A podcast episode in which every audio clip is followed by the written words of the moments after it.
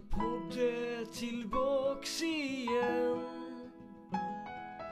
Linus på baslinjen. Ja, han är tillbaka igen. Linus på baslinjen. Det här avsnittet görs som vanligt tillsammans med vår partner House of Bontin. Har ni till exempel inte testat deras Topspin Pro så gör det nu. Perfekt att använda eh, med juniorer som man vill lära ut eh, kunskaperna kring topspin med eller med vuxna som fortfarande har det momentet kvar att lära sig. Besök www.houseofbontin.se och glöm inte använda rabattkoden LINUS så får ni 15% rabatt på ett helt köp där.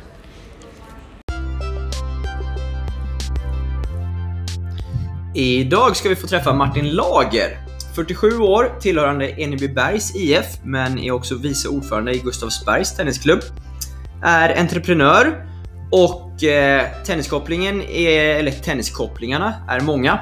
Är veteranspelare själv med ett antal SM-guld på meritlistan. Ordförande i Svenska Tennisförbundets veterankommitté och eh, även med i eh, ITF Senior Committee. Eh, många strängar på sin lyra som sagt. Eh, anordnar även tennisläger och resor för veteranspelare. Vi välkomnar Martin Lager.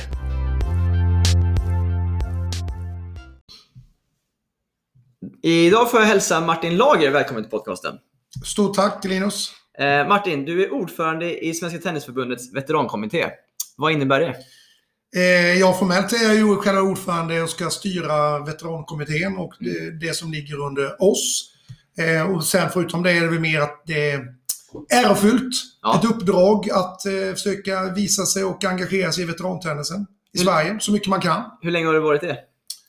Alltså, jag, jag tänkte på det på vägen hit, men jag säger att jag har nog varit i 5-6 år ordförande, men jag har suttit med tror jag kanske 8-9 år. Okej. kommittén. Ja, en lång tid. Absolut. Vad är kommitténs roll och uppdrag om man säger så? Själva uppdraget som vi har från Svenska Tennisförbundet det är att verka och driva för veterantennisen. Mm. Eh, vi är an- ansvariga för SM inne ute, förutom att vi har en arrangör, som ett exempel Båstad. Mm.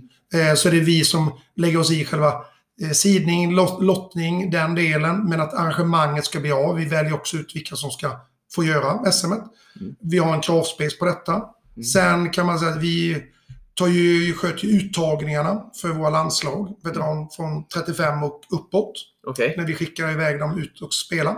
Ja. Såväl VM eller om det skulle vara EM. Ja. Eh, och sen är det egentligen mer ideell att ju mer vi vill och orkar och kan engagera oss, Ja, skapa så bra förutsättningar för veterantennisen i Sverige som möjligt. just det. Ta ut alla landslag, då måste ni ha koll på alla spelarna. Ja, det, vi brukar, brukar säga att det är väldigt mycket för att man kan ju, kan ju säga att göra det enkelt. Man skulle kunna trycka på en knapp och säga att ettan, tvåan, trean, fyran på ratingen, det är Ja. de som gäller.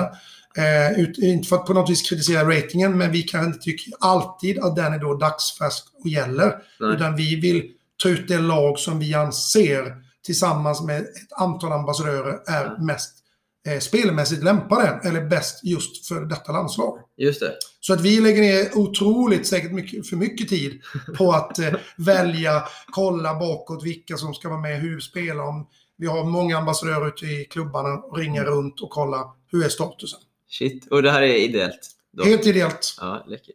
Det var också spännande. Du sa att eh, för att få arrangera SM och de tävlingarna så har den en form av kravspec. Vad, lite kortfattat bara, vad, vad Ja, behövs? eh, man kan väl säga att eh, just när det gäller Båstad så har vi ett avtal med dem så de arrangerar tre år i taget. Sen innebär inte det att alltid måste vara just i Båstad. Nej. Men det är ju att vi, man måste ha ett antal banor lokaliseringsmässigt, inte för långt avstånd. Mm.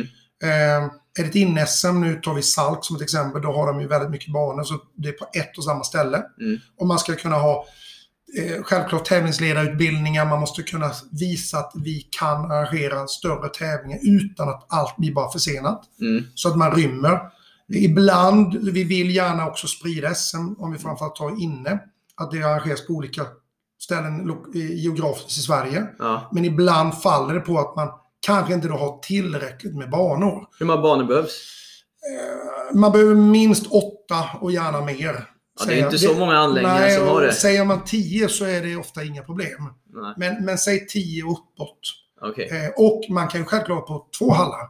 Men då vill inte vi att det kanske skiljer 3-4 mil i avstånd emellan. Nej, Är det som exempelvis Danderyds TK och eh, Good to Great, just det. då är det gångavstånd Ja. och då är det inga problem. Nej, just det. Det finns ju ganska många hallar just i det området där i Ja, Danderyd. så de är lite lättare, men, Ja. men eh, åker man kanske till någon mindre stad i Sverige så är det ju tuffare givetvis. Men vi vill ju och försöker hitta så att det ska gå. Men, men erfarenhetsmässigt så blir det ibland att då blir det väldigt, väldigt mycket förseningar. Ja, just det. Och utomhus är det ju ännu färre anläggningar att välja Eh, på. Ja, och då är Båstad väldigt eh, bra med Såklart. tanke på alla banor de har. Det är klart. Vad, vad finns det för möjligheter för, för personer 35 plus idag i Sverige att spela mycket tennis? Ja, men eh, förutom vi har ju ett, eh, ett CS-spel. Eh, Om vi nu bortser från coronatider och tänker Ja. framåt så eh, har vi ett gediget CS-spel som är väldigt, väldigt populärt bland oss veteraner. Så att väldigt många och det finns ju flera divisioner. Mm. Så det är ju nummer ett och sen har man ju framförallt eh, ganska mycket tävlingar. Mm. Eh, nu är, sitter vi i Stockholm och i Stockholm finns det kanske kan flest tävlingar. Sen sommartid så är det väldigt mycket ner i södra Sverige. Mm. Eh, Så att det finns väldigt, och så självklart oftast brukar många i gemene med klubbar ha sina egna interna klubbtävlingar. Men Mm. det finns en hel del. Sen kan det alltid bli bättre och, finnas fler. Men tycker du att utbudet idag är liksom bra ändå? Det finns gott om möjligheter att spela Ja, tennis. det är bra tycker jag. Men vi kan göra det bättre. Och vi vill ju att fler ska arrangera tävlingar. Men vi, vi har mycket, vi har bra eh, vad säger man, tävlingar. Ja. Vi har två fantastiska SM, både Mm. in och ute. Vi har mycket RM, som också är väldigt populärt bland veteraner. Just det. Eh, Men, men eh, ska man vara lite kräsen så ja, vi vill ha fler Ja, tävlingar då. tävlingar och, och gärna fler arrangemang för veteraner. Bygger du på att klubbar behöver liksom eh, prioritera det här mer då? Ja, det, borde, det kanske får jag väl skäl för att jag säger att ja, det behöver de. Men jag tror så här att ibland så det självklart måste vi satsa på juniorer. Så Ja. självklart ska det ju finnas massor med juniortävlingar. Ja, Eh, Men jag tror att ibland så vissa kanske inte känner att det finns tillräckligt med utbud av spelare. Eh, tar vi norr, norr så det är klart att där är det tuffare, större avstånd. ja, Eh, och då blir det jobbigare för de har inte lika mycket tävlingar. nej. I, vi i Stockholm, har ju, eller Göteborg, kanske har mer tävlingar och mindre yta att åka på. Så Just det är klart att utbudet för oss Ja. jämfört med må- många andra är ju då större. Kan, kan du se något sätt som man kan eh, ja, öka intresset då eh, upp, eh, uppåt i landet om man säger så? Nu när vi sitter i Stockholm. Ja, alltså vi, vi inom veterankommittén jobbar just nu väldigt mycket. Svenska Tennisförbundet har gjort en färdplan, men vi själva inom kommittén Mm. eh, har granskat och jobbat väldigt. Hur ska vi försöka öka Mm. eh, tävlandet, om vi säger så? Inte bara för tävlandet, det är eh, en prioritetssak. Man kan ju spela för att det är skoj. Ja, Men, men just att det finns mer utbud av tävlingar. Och även internationella tävlingar. Och då har vi, håller vi på nu, jag som, vad ska vi kalla en actionplan för vad och hur. Ja. Och bland annat så har vi ett samtal om att till nästa år förhoppningsvis kunna skapa en som vi kallar veterantour. okej. Som då ska både finnas söder, alltså väst, öst och norr. okej. För att också skapa större engagemang bland klubbarna. Ja. Att kanske få fler som startar nya tävlingar. Men Ja. också bibehålla de som finns. okej. Och, och givetvis få ett större engagemang över hela Sverige. Är det actionplanen? Ja, det är en del av den. Det finns flera punkter. Ja, Hur lång tid har vi Linus?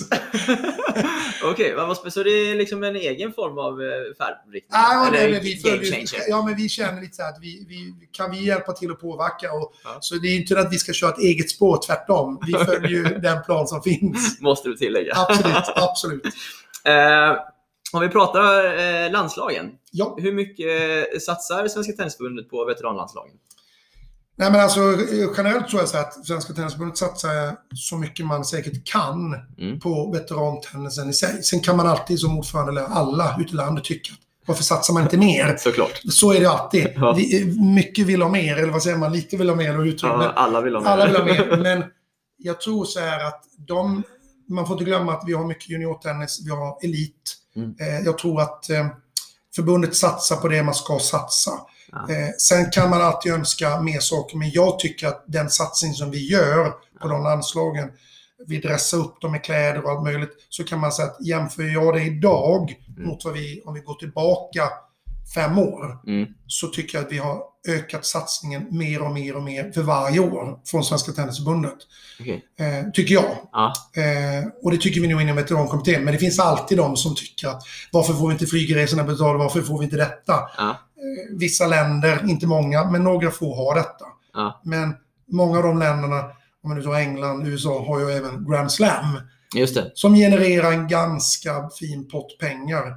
Och jag tror säkerligen skulle vi ha det likadant i Sverige så självklart skulle vi kunna satsa ännu mer. Ja, det är klart. Det är klart. att, eh, men jag tycker att vi, det är väl en väl balanserad satsning.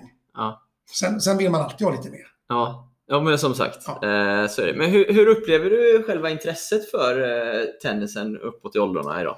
Växer det eller liksom minskar det? Eller? Nej, jag, eller jag, din bild av det? Ja, min bild är att det ökar. Jag säger att återväxten är god. Mm. Ehm, Jag tycker att vi ökar väldigt mycket. Det, tittar vi på våra SM så blir det bara fler och fler deltagare. Mm. Ehm, Vi hade faktiskt förra året, det var ett coronaår, eh, där väldigt många av våra äldre inte fick vara med i Båstad. Mm. Men vi hade ändå extremt mycket deltagare. Mm. Eh, Jag tror att det här året som kommer, om vi tänker framåt, så kommer det bara öka. Eh, Däremot så kanske vi känner att vi behöver öka bredden på damerna. För Mm. bredden just nu på herrar är väldigt, väldigt stor. Okej. Eh, Den är inte på något sätt kanske dålig på damerna, men vi behöver göra en insats för att den ska bli mer lik killarnas. Hur har man tänkt göra det då? Ja, men vi, vi, I veterankommittén så har vi mycket diskussioner. Nu har vi ett SM i Båstad, vi har ett SM i Järfälla i höst och då är det mycket diskussion i Järfälla. Där. Hur kan vi öka intresset för att delta?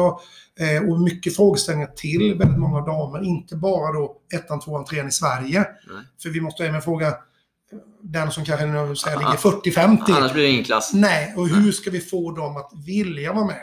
Mm. Och, och allt från att inte bara fråga ut dem, eh, utan hitta, kan vi skapa fler sociala aktiviteter? Mm. Eller fler aktiviteter som tilltalar. Mm. Hoppar vi utomlands och tar kanske en del ITF-tävlingar så är det väldigt vanligt med consolation. Mm. Att man alltid kanske garanterar två matcher. Till hösten tyvärr kommer vi inte kunna det för det, det är för stort, för stort tryck. Men för framtiden Mm. skulle det ju vara en dröm om vi kunde erbjuda att då du får stryk din första match så får du spela en ja, consolation-tävling någonting. Det borde ju vara populärt. Det, det är jättepopulärt. Ja. Men, men det här är då axplock som jag nämner, men vi för en dialog och vill skapa mer förutsättningar, framförallt för, nu säger vi dambredden. Mm. Just det. Är, det. är det väldigt mycket bättre bredd på herrarna eller? Eller mycket och mycket, men, men, det, men tar vi dumt för jämförelse, tar vi 50-55 klass herrar så kanske vi har 80-90 som spelar i den klassen. Och då kanske vi har 30 i damerna. Det är ganska så, stor så, så skillnad. det är ganska stor skillnad om du tänker på antal deltagare Ja, som ställer upp. just eh, just på ett SM. Och då förstår du vad som händer om vi tar ett RM Ja, det eller vi tar en vanlig tävling. Då kanske det är fem damer i en klass medan det kanske är 24 i herrklassen. Just det. Så att det är väl lite där, hur kan vi då skapa så att fler tjejer, Mm. ja men det här ska jag vara med på. Mm. Och, Ja, den är lurig. Ja, och det är ju lättare sagt än gjort. ja det, men det förstår jag. Eh, Men, men, ehm, men, men oavsett detta så upplever vi att det blir faktiskt fler och fler damer ändå Okej. som kommer. Så att generellt så ökar vi så att återväxten är god för veterantennisen. Ja, vad härligt. Eh, hur, hur är nivån på liksom, de bästa spelarna om man ser med internationella ögon? Håller svenska spelare hög nivå?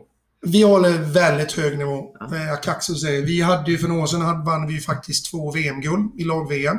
Lag-VM anses ju alltid vara tuffare oftast än ett individuellt. Aha, varför då? Ja, men må- jag vet inte varför, men många gånger så kommer väldigt många av de bästa, inte Ja. bara i Sverige utan många andra länder, till just lag-VM. Okej. Sen stannar en del kvar och spelar individuellt. Ja. Men det är klart du ska spela 10-14 dagar. Ja. Sliter en del givetvis på toppen.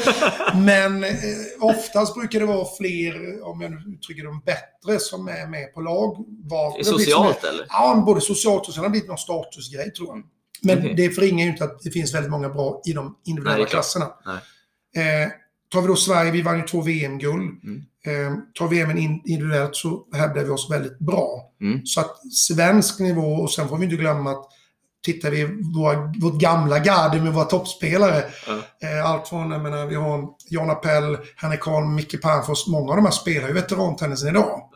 Och även de som då likasinnade till dem ja, men kanske inte lyckades lika bra på sin seniortid har ju då däremot som veteran lyckats. Ja, vad härligt. Så, så den är bra. Är det några klasser som brukar liksom anses vara extra prestigefyllda? Eller? Ja, 50 är ju en... Alltså 35 är alltid en sån här klass där man ser att det är många före detta proffs. Då, där Så är nivån fortfarande Den riktigt är hög. jätte, jättehög. Så man kan ju tycka att det ser ut som en, nu säger jag, challenger. Ja. Får jag väl själv för att jag tyckte det. Ja, men, ja, ja, men i mina ögon ser det ut ja. så. Men, men prestigen är nog störst i 50, tycker jag. 50-55, det är sådär, det brukar vara mest lag Mm. som är med just på en tävling och mest i, i, även individuellt. Okej. Är det några, nå, någon klass eller några klasser du, du vill nämna som sticker ut eh, att Sverige är starka i? Liksom? Alltså, ja, vi har ju varit väldigt starka just i 50. Vi är väldigt Ja. starka i 80. Okej. Eh, vi har ju vunnit VM-guld både i 80 och 50. Men 50 har vi hävdat oss i flera år. Är just det att det var ett eh, brons och det är guld. Alltså vi kommer väldigt långt. Ja. Eh, 35, får, vi, vi brukar vara topp 8, men vi når inte hela vägen. Så vi behöver nog ringa in, nu säger jag Pim Pim och company, om vi ska nå hela vägen där i så fall. Ja, just det. Just det. Men, men, eh, ja, men vi, jag tycker vi, vi brukar hävda oss väldigt bra. Ja. Vi är nästan alltid topp 10 på VM. Så att det måste man ändå anse bra om man ser generellt bland alla lag. Ja, det är riktigt högt. ju. Ja. Om, eh, vad, vad finns det för internationella tävlingar i Sverige för veteranerna? Vi har ju Karlskrona som är en Grade 1, en väldigt stor tävling som arrangeras eh, i augusti på sommartid. Nu har det ju varit problem och strul med Corona. Men det är framförallt den och sen är det ju nu, sen har vi ju inne-SM. Är ju ett SM men den klassificeras som en internationell tävling. Mhm. Så den, man får faktiskt ITF-poäng när man spelar den. För inne-SM? Japp. Så då kan Så- internationella spelare vara med? Nej, den är stängd Ah. m- bara för svenskar. Men Okej. vi får ändå eh, internationell ranking för den. Så skulle man göra med våra future-tävlingar. Ja, det skulle vara nästa grej. Man får dock ha bara en stängd, så vi kan inte ha två SM Okej. eh, på detta sätt. Och sen kommer då Järfälla, som har en tävling för som heter Classic, Okej. som har nationell. Nu kommer då Järfälla i år göra SM inne. Men annars var planen att det skulle vara en internationell Classic. Okej. Så att nästa år så kommer ju de då också ha en internationell tävling. Okej. Sen vet jag att det finns lite andra klubbar som diskuterar med oss i veterankommittén att de vill då starta Ja. en ITF-baserad veterantävling. Och Okej. det är ju något som vi verkligen då hoppas och vill. Ja, ja, Och gör lite nu, försöker hjälpa till så mycket vi kan för att vi ska då få fler ITF-tävlingar för svenskarna. Ja. Vad skulle det innebära om man fick fler på svensk mark? Skulle det liksom ge ett lyft eller är det mest en kul grej så här? Eller? Ja, men jag, både. En kul grej är det ju definitivt. Ja. Eh, Vi som är tennisnördar och framförallt vi är många som tävlar mycket, men vi har ju många svenskar som åker mycket i Europa och reser runt och tävlar. Ja, Och inte bara för det, men för det som blir ett lyft för oss blir ju att fler kan spela på hemmaplan. Mm. Vi får även självklart duktiga utlänningar som kommer och vill hälsa på Sverige.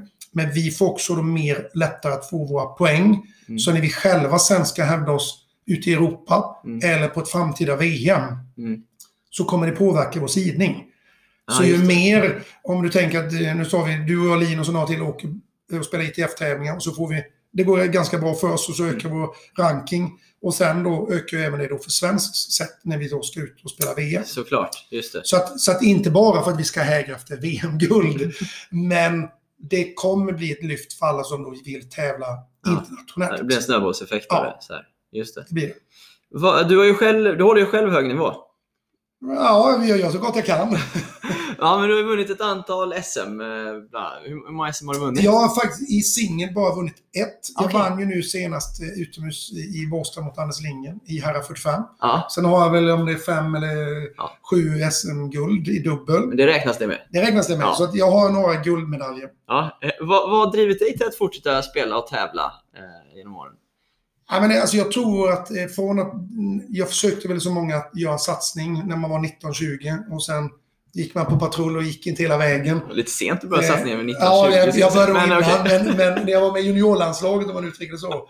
Men från att man sen började jobba med tennis, gjorde jag. Eh, jag la väl aldrig racket på hyllan, utan jag bara fortsatte. Eh, men någonstans sen när man blev veteran och hittade det här sociala engagemanget bland SM, eh, bland seriespelet. Det var superkul att spela elitserien för lilla Vetlanda. Mm. Eh, men jag tycker det kanske var ännu roligare sen när man spelade veterantennisen. Mm. För att allt från att vi spelar våra matcher, vi har våra middagar, vi har våra fester, Mm. till att ett SM är ju nu mer en vecka när man åker ner hela familjen. Mm. Det är lika mycket alltså, roligt för barn så det är som för mig. Så att för mig har det blivit ett lyft att spela veterantennisen.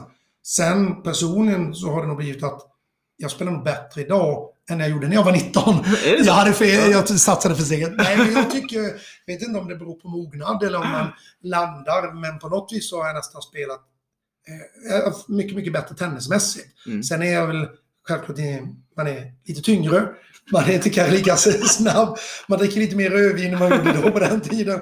Så någonstans blir det väl en balans. Så jag tycker väl att, men, men eh, spelmässigt så eh, tycker jag personligen att det är mycket, mycket roligare nu. Ja, vad härligt. Så, så det är drivkraften. Ja, taktiskt smartare kanske nu. Någonting. Eh, vad, eh, ser du liksom tennisen som en eh, tävlingsidrott? Eller? Ja, men alltså. Jag spelar ju tennis, jag menar, det är väl fel att säga att jag spelar tennis bara för att jag ska ha mindre mage eller motionera. Även om det är nyttigt att motionera och så här, men någonstans, jag gillar ju tävlingsådran. Ja. Allt från att spela lag. Eh, när vi åker på slutspel, jag spelar för Enebybergs eh, tennisklubb. Eh, när vi åker och spelar ett slutspel och ska försöka vinna, när vi peppar varandra. Ibland kan jag fråga mig varför utsätter jag mig för detta eller vad håller man på med? Man har ont i kroppen dagen efter. Men tillika så kommer jag tillbaka till samma grej ändå. Ja. Så det är klart att jag ser det som en tävlingsidrott då. Att det, Ja. det tävlingsmomentet är väl fantastiskt. Ja. Så, att, så det, för mig är ju det en jättesporr. Och, ibland tycker jag när man är jättestressad och jobbmässigt så kan jag tycka det är fantastiskt att gå ut och spela. Mm. Inte bara match men även träna. ja, ja. Eh, Jag tänker så här när du är ordförande i veterankommittén, menar, i de åldrarna så, så tänker jag att alla ser det ju inte som en tävlingsidrott. Absolut. Liksom. Och jag förstår ju att du gör det delvis och jag själv gör ju också det. Ja. Men jag tänker det är en lite svår balans ibland kanske när man måste se det från båda nu ja, det är det. Och nu- det som är, om jag ska se till mig själv, så är det att nu är jag väl en väldigt social person. Ja. Och brinner mycket Det- för det sociala. Nu har jag bara träffat en timme, men det kan jag intyga. Eh, och jag gillar ju det här med att skapa evenemang och eh, skapa glädje bland folk. Ja, Så att det är klart att för mig är ju då, tillika då som en sån tävlingsdelen, den nerven jättehäftig, Mm. så tycker jag ju till att ett arrangemang Mm. att tävla eller bara vara med. Mm. Jag vet ju flera, både de herrar som åker till Båstad, de vet om kanske innan, jag kommer få stryk. Men jag vill inte missa den här årliga bankettmiddagen Ja. eller hänget på Ja. drivan. Och där man egentligen lägger ner tre, fyra dagar och bara pratar med gamla vänner. ja, Och, och tar jag mig själv, jag menar, tenniskompisar i Göteborg, Magnus Edlund, vi spelade mot varandra när vi var 12. Idag är vi 47. Vi spelar fortfarande, umgås privat. eh, Så någonstans så blir det ju att det Ah. livet är ju också otroligt givande. Mm. För du, du arrangerar ju själv eh, läger och resor och så. Ja. Eh, vad, vad är, det, är det just det, liksom den sociala delen som gör att du har engagerat i det? Eller vad är det som är det roligaste men, med det? Ja, men det, jag tycker det att, att för mig att åka iväg och allt från om det nu är till Eskilstuna eller om det är till Barcelona, lite kontraster. Ja, ja, något kanske. Eh, Eskilstuna är jättetrevligt, men eh, Barcelona slår väl lite högre då. eh, så ja, men jag tycker det är jättehärligt att åka iväg, sol, kombinerat, spela tennis två, tre timmar om dagen, träna, motionera, ha roligt tillsammans, äta fantastiska middagar, eh, dricka goda viner om man nu gillar vin eller mineralvatten eller vad som. Men framförallt att umgås tillsammans. Mm. Eh, och nämnande i det här fallet kanske då är tennisen. Mm. Sen måste man inte, allt från om du är nybörjare till elit, så är det egentligen själva grejen att man åker iväg och gör det tillsammans. Ja, Eh, det. Tittar man nu på framfarten med paddel så har de lika mycket där, massvis med socialt. Ja, Eh, Jag tycker ju det är viktigt för oss i tennis att lyfta fram det sociala. Att vi har ju 90-åringar som spelar tennis och vi har alltså knattar. ja, Så att det är ju en sport för livet. just det. Där kom den också. Så det kom den. ja, det är kul att du tar upp just padden där, för jag har skrivit upp det här i mitt, eh, i mitt min frågeformulär att eh, jag menar, padden får ju också anses som en eh, motionsform, liksom, precis som tennisen i Absolut. många fall är. Eh, hur, hur tänker du kring liksom, paddens frammarsch? Nej men alltså jag, jag har spelat padel ett antal timmar och den är ju otroligt social. Tar man den som sport startsträckan är ju, man lär sig ganska snabbt. Ja. Eh, inte för att jag menar på något vis att jag är något proffs i padel. Det behöver jag många timmar till. Men jag kan förstå många som börjar med padel för att det är väldigt lätt att lära sig snabbt. Mm. Det är en mindre yta och enkelt. Mm. Så att om man ska ge en fördel till padel så, som sport att komma igång, om man nu säger som motionssport, så är det ju en, där ligger, är det ju ett klart plus för, för paddeln. För tennisen är lite mer komplex, Mm. eh, tuffare och kanske lite längre då startsträcka. Mm. Eh, sen vet jag inte om jag är orolig direkt och tänker så att ja, men nu kommer vi tappa vårt gäng som spelar tennis, som, um, som spelar och umgås på ett SM. Däremot kanske vi kommer tappa motionsspelaren som spelar i Huddinge eller Göteborg eller olika klubbar som kanske har gått en vuxen termin, Mm. tennis, som tycker det är kul, testa på paddel, mitt i att kanske de tycker det är roligare. Mm. De som är som dig och mig inne som är inbitna, Mm. jag tror att vi kommer fortsätta köra tennis. Ja, det tror jag. Eh, sen kan vi komplettera med padel. Mm. Men jag tror mer de här som står i valet och kvalet, där kan det vara att man kanske lättare slinker över till padel. Mm. Är det en fara eller är det liksom inget som spelar någon större roll för att det kommer in nya ändå? Eh, vad, vad du? jag, jag, nya kommer vi nog alltid få sen. Fara, vet inte, det kanske, om man ska uttrycka fara, jag tror att man ska vara vaksam och vi ska, vi måste utveckla tennisen. Titta hur kan vi göra det attraktivt? Hur kan vi göra tennissporten? Jag menar, forehandbacken kommer alltid vara forehandbacken. ja. Vi kommer inte ha någon bandeja så hit och dit. Nej. Men jag tror att vi ska göra den så attraktiv och rolig och social vi kan. Mm. Eh, sen om padden blir bättre och gör den vassare, ja då får vi tennisfolk se till att då får vi väl hänga på tåget. För att så inte vi tappar. Jag tror man måste vara lite vaksam och hänga med. Eh, Martin, du är involverad i, eh, i ITFs eh, kommittéer också. Berätta lite mer om det. Eh, jo, jag sitter med i ITFs eh, seniorkommitté. Mm. Så att man kan man säga att jag är som en ledamot delegat i den del- delen. Mm. Har, Och eh, ja, har du varit där länge eller? i lite mer än ett år. Ett år. Man sitter två år i taget. Okej. Så att jag har lite, inte riktigt ett år kvar, men nästan.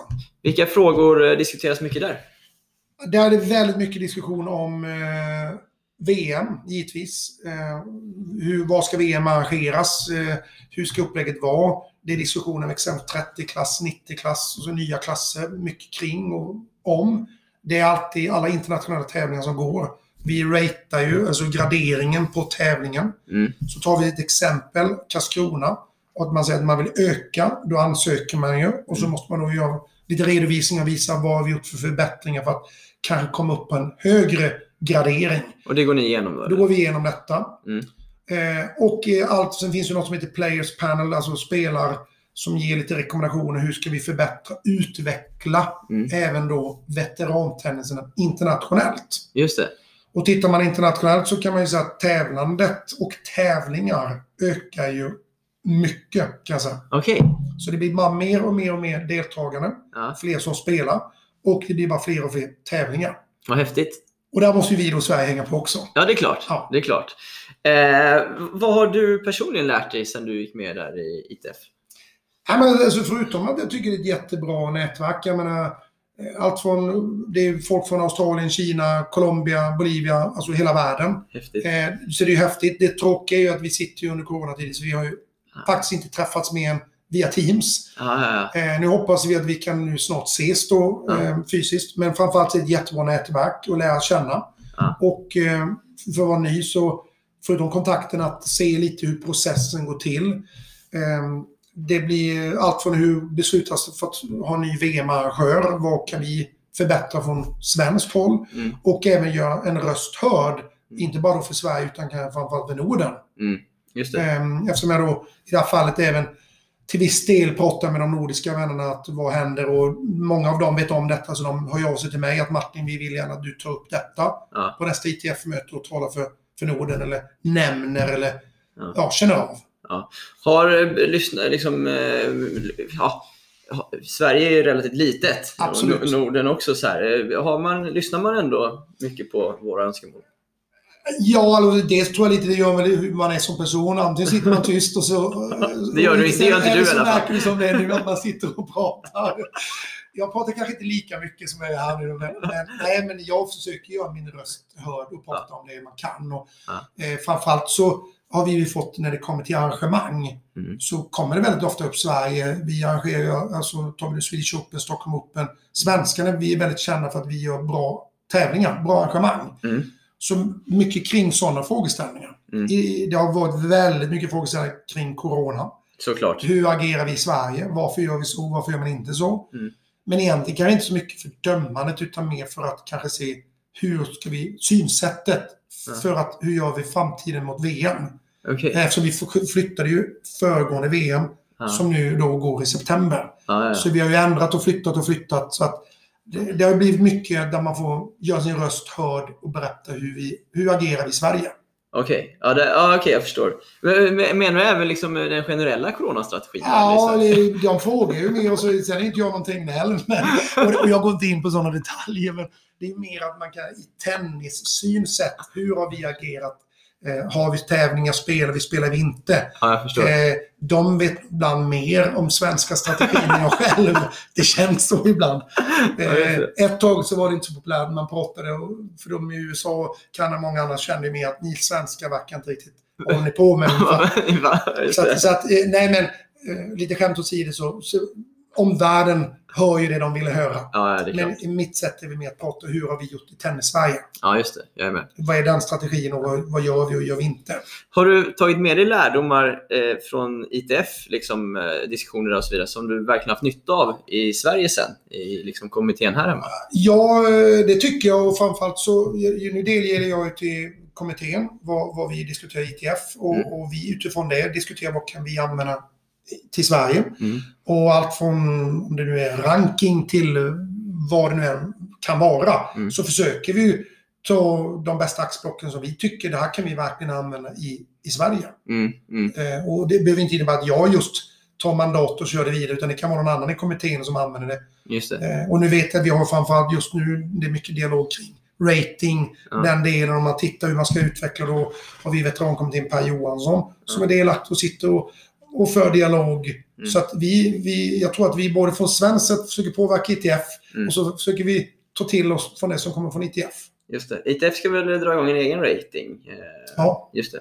Vad tänker du kring eh, den ratingen och den svenska ratingen? Ja, det, det, är, ju- det är jättespännande. Mm. Eh, och även om inte jag just nu är superinsatt i fullt i den eh, internationella ratingen, men, men det är jättespännande att se och de håller på och testar. Nu får vi, det här mötet som var häromdagen, fick vi inte alla tester. Vi hade en lång dragning, men vi får det inom kort så man får se lite utfall hur det blir. Men framförallt är ju tanken att man ska kunna lite mer, inte bara se vem 1, 2, 3 i Sverige, utan sätta en, ska vi säga, skala på det här är Martin, spelaren, och här är Linus, spelaren. Ja. Och hur kan jag använda detta såväl i regionalt i Sverige, Mm. svenskt, internationellt. Så Mm. att man ska kunna ha en skala som ska egentligen gälla överallt. Just det. Men du tycker inte vi ska skippa den svenska ratingen eller? Och hoppa på, Ja, eh, alltså, det här känns jättespännande och funkar detta fullt ut så då finns det väl egentligen inget hinder Mm. med att använda det internationella. Ja. Eh, sen, sen måste vi ju anpassa den givetvis till svenska mått, men, men funkar det såväl i Tyskland, Frankrike, överallt så varför inte? Just det. Sen finns det ju UTR också, ett Precis. annat ratingsystem Ja. som också är välkänt. Ja, men jag tror att eh, Bengt Helmersson och kompani som håller på med den svenska, de, de är mycket, mycket bättre på den svenska än vad jag kan. Jo. Hur den funkar fullo. Men jag tror Men man att, ser vad man ser ibland. Precis. Ja. Ja.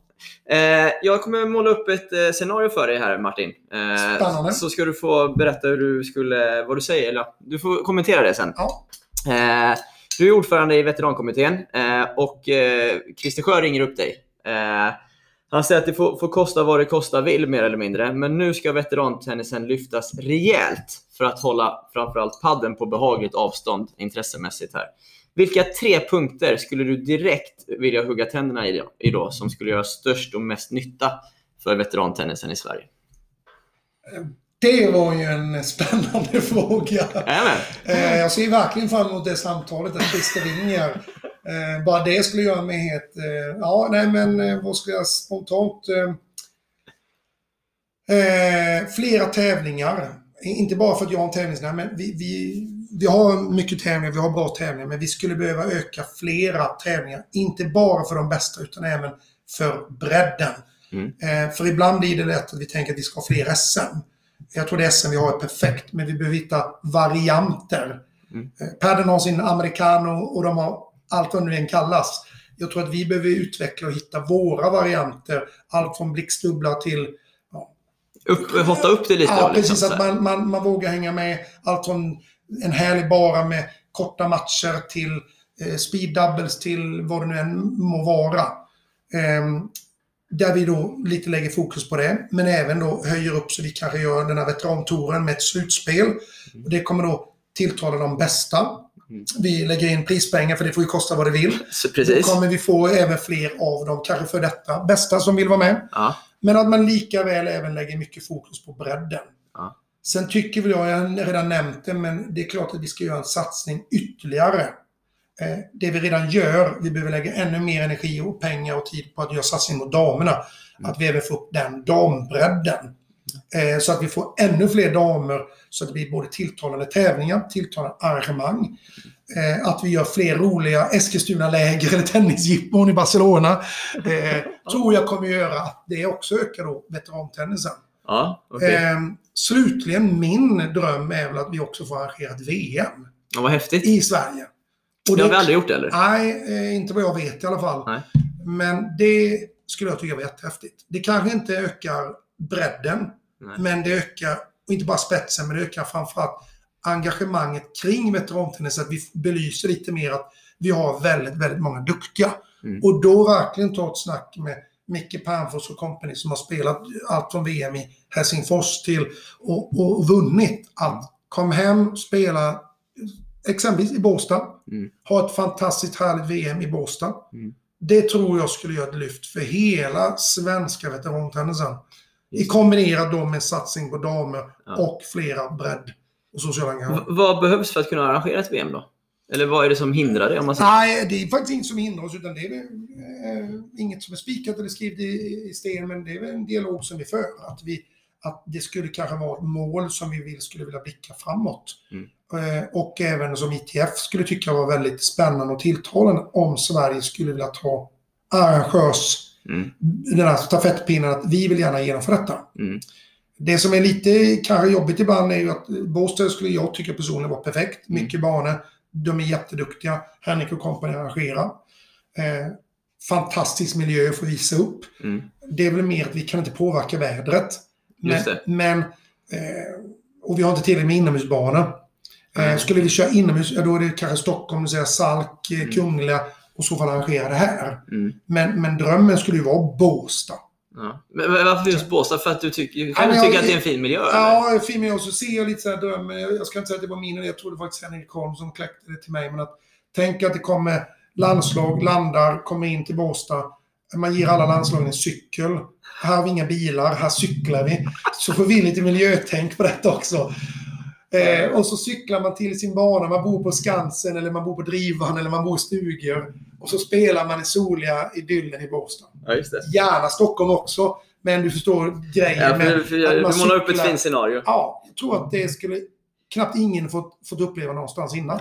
Nej, det får ju bara inte regna då. Det får inte regna. Nej. Men, men, men den bilden, skulle jag då komma Ja. kanske från Bolivia eller var man än kommer, tror jag att det skulle vara en helt unik upplevelse. Ja, det har varit häftigt. Så Verkligen. att, eh, Sen är ju Salkhallen fin också, för att vara en inomhushall. Absolut. Eh, och Men det är självklart, då behöver vi inte tänka på väderaspekten. Nej, just det. Så att, eh, nej men Salt Kungliga, ett VM i Stockholm skulle också vara en fantastisk grej. Mm.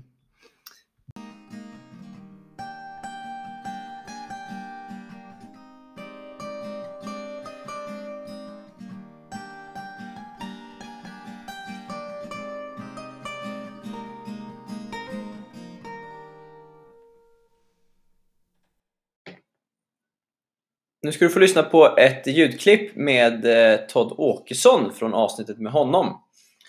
Så ska vi diskutera det efteråt. Men jag tror att det, det eh, vi, eller ja, jag kan ju bara tala för mig själv, jag är väldigt stolt över den liksom, verksamheten som vi har i Näsby Park. Framförallt tycker jag att den är väldigt bred och det finns verkligen någonting för alla. Eh, Martin Lager, du fick precis lyssna på Todd Åkesson här från hans avsnitt eh, när han pratar om, eh, ja, i det här fallet, Näsby Parks verksamhet och att han tycker det är en väldigt positiv grej att det är en väldigt bred verksamhet där det finns något för alla. Eh, vad tycker du är liksom en tennisklubbs roll idag? Är det att alla ska ha någonting för alla? Eller hur ser du på den biten? Ja, det var ju också en i bra Du har varit involverad i ja, klubbverksamheter Jag sitter ju som vice ordförande i Gustavsbergs Tennisklubb och utgår jag från Gustavsberg så vi, vi, vi vill ju ha en klubb för alla. Vi vill erbjuda våra medlemmar, som jag tror generellt väldigt, väldigt många klubbar i hela Sverige gör. Ehm, jag tänkte säga, vi är fostrade på det sättet att vi vill allt från små till stor, liten, bredd, elit ska kunna finnas med. Sen så tror jag att vissa klubbar, eller vissa, nu kanske man ska säga akademier, kommer istället behövas. Att vi, vi, kan, vi behöver Kungliga akademi, Good to Great, alltså det finns lite överallt. De kommer nog alltid behövas. Förr hade vi olika team, Team Klein, Teams IAB och så vidare. Jag tror att ska vi erbjuda de bästa en satsning så kommer vi behöva det. Sen om det ska vara en klubb eller inte, men själva ordet klubb för mig är väl mer att du kliver in i, om det är Näsby Parks tennishall eller vilken tennishall den är, Mm. så ska det finnas ett utbud av tilltalande aktiviteter Mm. för gemene man. Kvinnor, män, barn, ungdomar, vuxna, veteran. Mm. Så mycket man kan. Mm. Sen självklart har ju vissa klubbar då mer eller mindre av något. Mm. Men, men en bred klubb tycker jag är väldigt bra. Mm. Men vi behöver också spetsklubbarna mm, som är så smått som stort. Ja, om vi kommer in på, på spetsen då. Det kan ju vara svårt för alla klubbar att ta hand om en Ja. riktigt stark spets Ja. också. Hur tänker du kring den eh, svårigheten? Ja, men det, jag har ju själv suttit i den positionen att jag vill ju att när jag var eh, chefstränare i Gustavsberg för många, många år sedan så ville jag väl att mina tävlingsjuniorer skulle vara i GTK. Ja. Men det var ju också för att jag kanske tyckte att eh, han eller hon skulle spela i herr eller damlaget. Men någonstans så kände jag väl sen att jag hade vissa adepter. De gick till Kungliga, de gick till Salk. Eh, och jag tyckte det var ganska naturligt. Eh, självklart, mm, någon gång kanske jag kände att det var synd, det var tråkigt. Men vi räckte inte heller till som klubb. Och då tyckte jag att om jag hade en elev nu säger att han gick till Kungliga till Rickard Billing som ett exempel. Då tyckte jag det var jättebra. De kommer till en annan klubb, till en annan tränare, till en annan skola. Där förmodligen eleven kan ta nästa steg eller kliv. Och jag tror, skulle vi gjort det i Gustavsberg, lagt, då hade det krävt massor med resurser. Mm. Eh, tid, pengar, banor, tränare. Och då hade vi förmodligen förlorat på något annat håll. Mm. Eh, under min tid, jag kanske la väldigt mycket, nu kommer det igen, sociala. För att skapa, vi gjorde klubbresor, vi gjorde engagemang så att det fanns ett utbud till de bästa, men även till bredden. Mm. Till vuxna, till junior. Mm. Och det var väl vårt sätt att visa att vi ville vara en social klubb. Mm. Och vi vill gärna främja och hjälpa dem som är duktiga. Idag är jag själv en 17-årig son som enligt mig är väldigt duktig. Mm. Eh, Men han trivs och gillar Gustavsberg och vill spela. Men det kanske är en tidsfråga innan han känner att nu kan inte GTK hjälpa honom längre. Mm. Eh, och då vet jag att då kommer man säkert säga att men då gå vidare. Mm. Eh, sen om det är en akademi eller college eller vad det än är, så tror jag att eh, vi i Sverige behöver bli bättre på att både samarbeta, Mm. hjälpa till, ta bort lite revirpinkar när jag tycker det har blivit mycket, mycket bättre. Mm. Och kanske ibland så kan inte alla klubbar ha allt. Nej. Och vi kan inte få ihop allt. Nej. Eh, För det kostar för mycket och det, det, det, blir för svårt. Men Ja. så mycket vi kan hjälpa dem. Sen när, vad säger man, brytpunkten går, det har jag svårt att uttala mig om. Men är problematiken med det just det här att tränarna tycker det är surt att släppa iväg spelarna när de lagt ett antal år? Kanske med extra helger och kvällar och, och mycket av sin tid på det. Eller vad är problemet? Jag hade säkert, jag menar jag kan tala för mig själv, men det fanns väl tillfällen där jag kanske tyckte att nej, ska han eller hon sluta, vad tråkigt. Eller nej, jag som har, precis som du sa, engagerat mig jättemycket. Men, men någonstans så, det är lä- lätt att säga här nu när jag sitter med dig. Ja, det är många, det. många år sedan att nej, men jag bryr mig ingenting. Men det Ja. är klart att jag brydde mig och tyckte det var synd och tråkigt. Ja. Eh, men någonstans så kände jag sen att när åren gick så det man gjorde för de eleverna. Jag kan ibland, ibland bli stoppad för många elever som har tack för det du gjorde under den tiden. Mm. Jag tror att eh, skulle vi fråga de tränarna vi har i Sverige som har tagit fram, jag menar han som hjälpte Ymerbröderna. Ja. Jag menar, jag tror att Ja. han är superstolt och glad för deras skull. Mm. Såväl alla tränare de har haft efter. Just det. Eh, Så jag tror att är vi för småsinta eller tittar för lite så, kommer ju ingen till slut utvecklas. Nej. Det har varit lite snack om någon form av klubbcertifiering. Att man eh, lite mer ska profilera vilken typ av klubb som är den här klubben. Vad man är starkast på eller vad man finns till för. Vad tror du om en sån typ av eh, väg att gå? Ja, det är säkert absolut inget fel. Jag, jag eh, dumt uttal, dåligt påläst, men det är absolut det jag menar. Många kan säkert bli bättre och framhäva det man är bättre på. Ja. Ett tag är väl mina erfarenheter att om man backar lite bakåt för några år sedan när jag framförallt var mer aktiv och jobbade med tennisen. Så tyckte jag kanske att en del hoppade mellan klubbar. Att man, ja nu är Linus i Mälarhöjden, nu är Linus på Kungen, nu är Linus på Salk. Och så hoppar man för att man tror att allt blir bara bättre där. Ja. Självklart, det kan vara så, Mm. men det måste inte vara det. Eh, nu tycker jag väl mer att det kanske har lugnat sig. Att man är mer på ett och samma ställe. Och många klubbar har blivit bättre på att prata upp oss att du vet att din spelare vill komma till oss nu. Mm. Eh, att man har ett samtal. Ja. För ett tag var det spelarflykt kors och tvärs. Ja. Ja. Eh, eh, så att, men det är väl inget fel i sig att göra en klubbcertifiering. Jag, men jag vet inte vad jag ska uttala mig. Nej. Tumme Nej, upp, jag- tumme ner. Jag, jag säger mer att det är säkert jättebra. Positivt. Ja.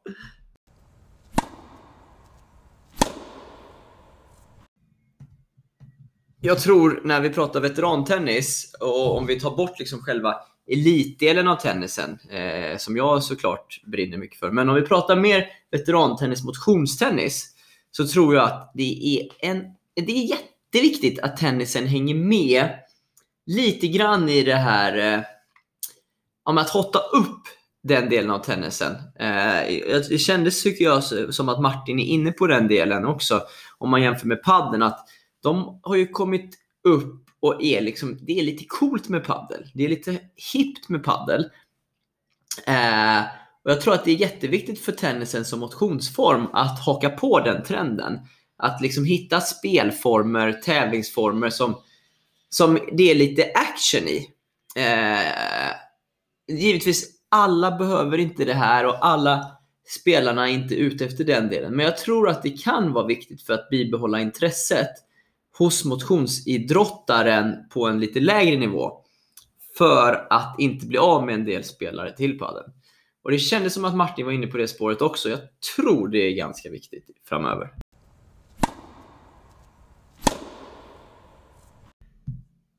Då är vi framme vid de sista frågorna här eh, eh, i slutet av podden. Eh, kan du nämna en sak som du har lärt dig det senaste året? Eh, en sak som jag har lärt mig det senaste året. Ska det handla om tennis? Nej, det får handla det- om vad som helst här faktiskt. Nej, men det är väl att eh, man ska ha stor ödmjukhet mot eh, alla sina medmänniskor. Det låter ju väldigt klyschigt när jag hörde mig själv. Bara för det är coronatider. man ska vara tacksam. Nej, vi måste jag byta Ja, där. Jag tar något annat nu. Nej, jo, jag har kommit fram till att jag har mycket bättre eh, slice än vad jag har trott. det har jag faktiskt var bättre. mig. Ja. Så att tro det från att jag aldrig har slicat någonting Linus, så Ja. egoistiskt så ska jag framhäva min framtida slice som man kommer nu se på tennisbanan. Den har jag jobbat ganska mycket med under det här året. Så att eh, titta nästa SM så kommer du se att det är mycket raka slicer, gå inte cross. Okej, ja, det var ett bra svar till slut. Ja. Eh, nu, eh, nästa fråga här. Nu, nu är det lite luddigt vilket ditt fält är här. Vad, vad skulle du säga att du, vad är du? Vad jobbar, vad gör du mest? Du gör ju så otroligt mycket. Ja, jag är egenföretagare och eh, inom konsultverksamhet, men jag är väl en entreprenör kan man väl säga, med, Okej. som gillar att vara spindeln i nätet. Jag är ju väldigt mycket ideellt engagerad. Okej, Eh, och eh, är väl väldigt mycket, jobba med människor gillar jag. Okej. Jobba mycket med människor såväl att coacha dem, Ja. om det är på tennisbanan, men i privat, i väl framförallt företagslivet Ja. framförallt. Så det är mycket coaching och mycket evenemang. okej. Så frågan lyder, är du, skulle du säga att du generellt är bättre eller sämre än andra inom ditt område? Som entreprenör då? Nej, bättre än andra, det kan jag säga redan nu, det är jag inte. Är det, du finns, inte? Nej, det finns många som är mycket, mycket bättre entreprenörer än jag. Det tror jag, som har lyckats superbra. Men jag vill tro att jag är en väldigt bra entreprenör och kämpar för att bli en bättre entreprenör. Ja, okej. Kan man uttala så? Ja, du fick till den. Ja. Ja. Bra Martin. Eh, tack så jättemycket för att du tog dig tid att vara Absolut. med. Absolut, tack.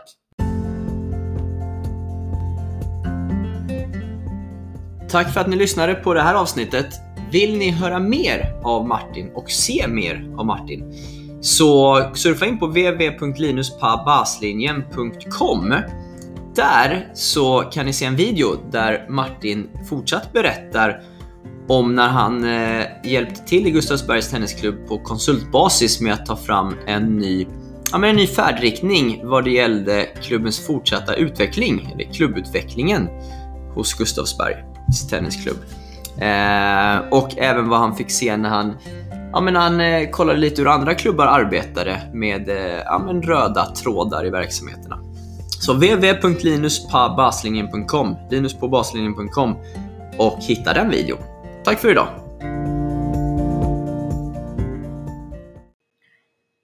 Tycker ni att jag missade någon fråga till Martin? Eller inte riktigt vågade ställa den där briljanta frågan som hade gett det där extra spännande svaret?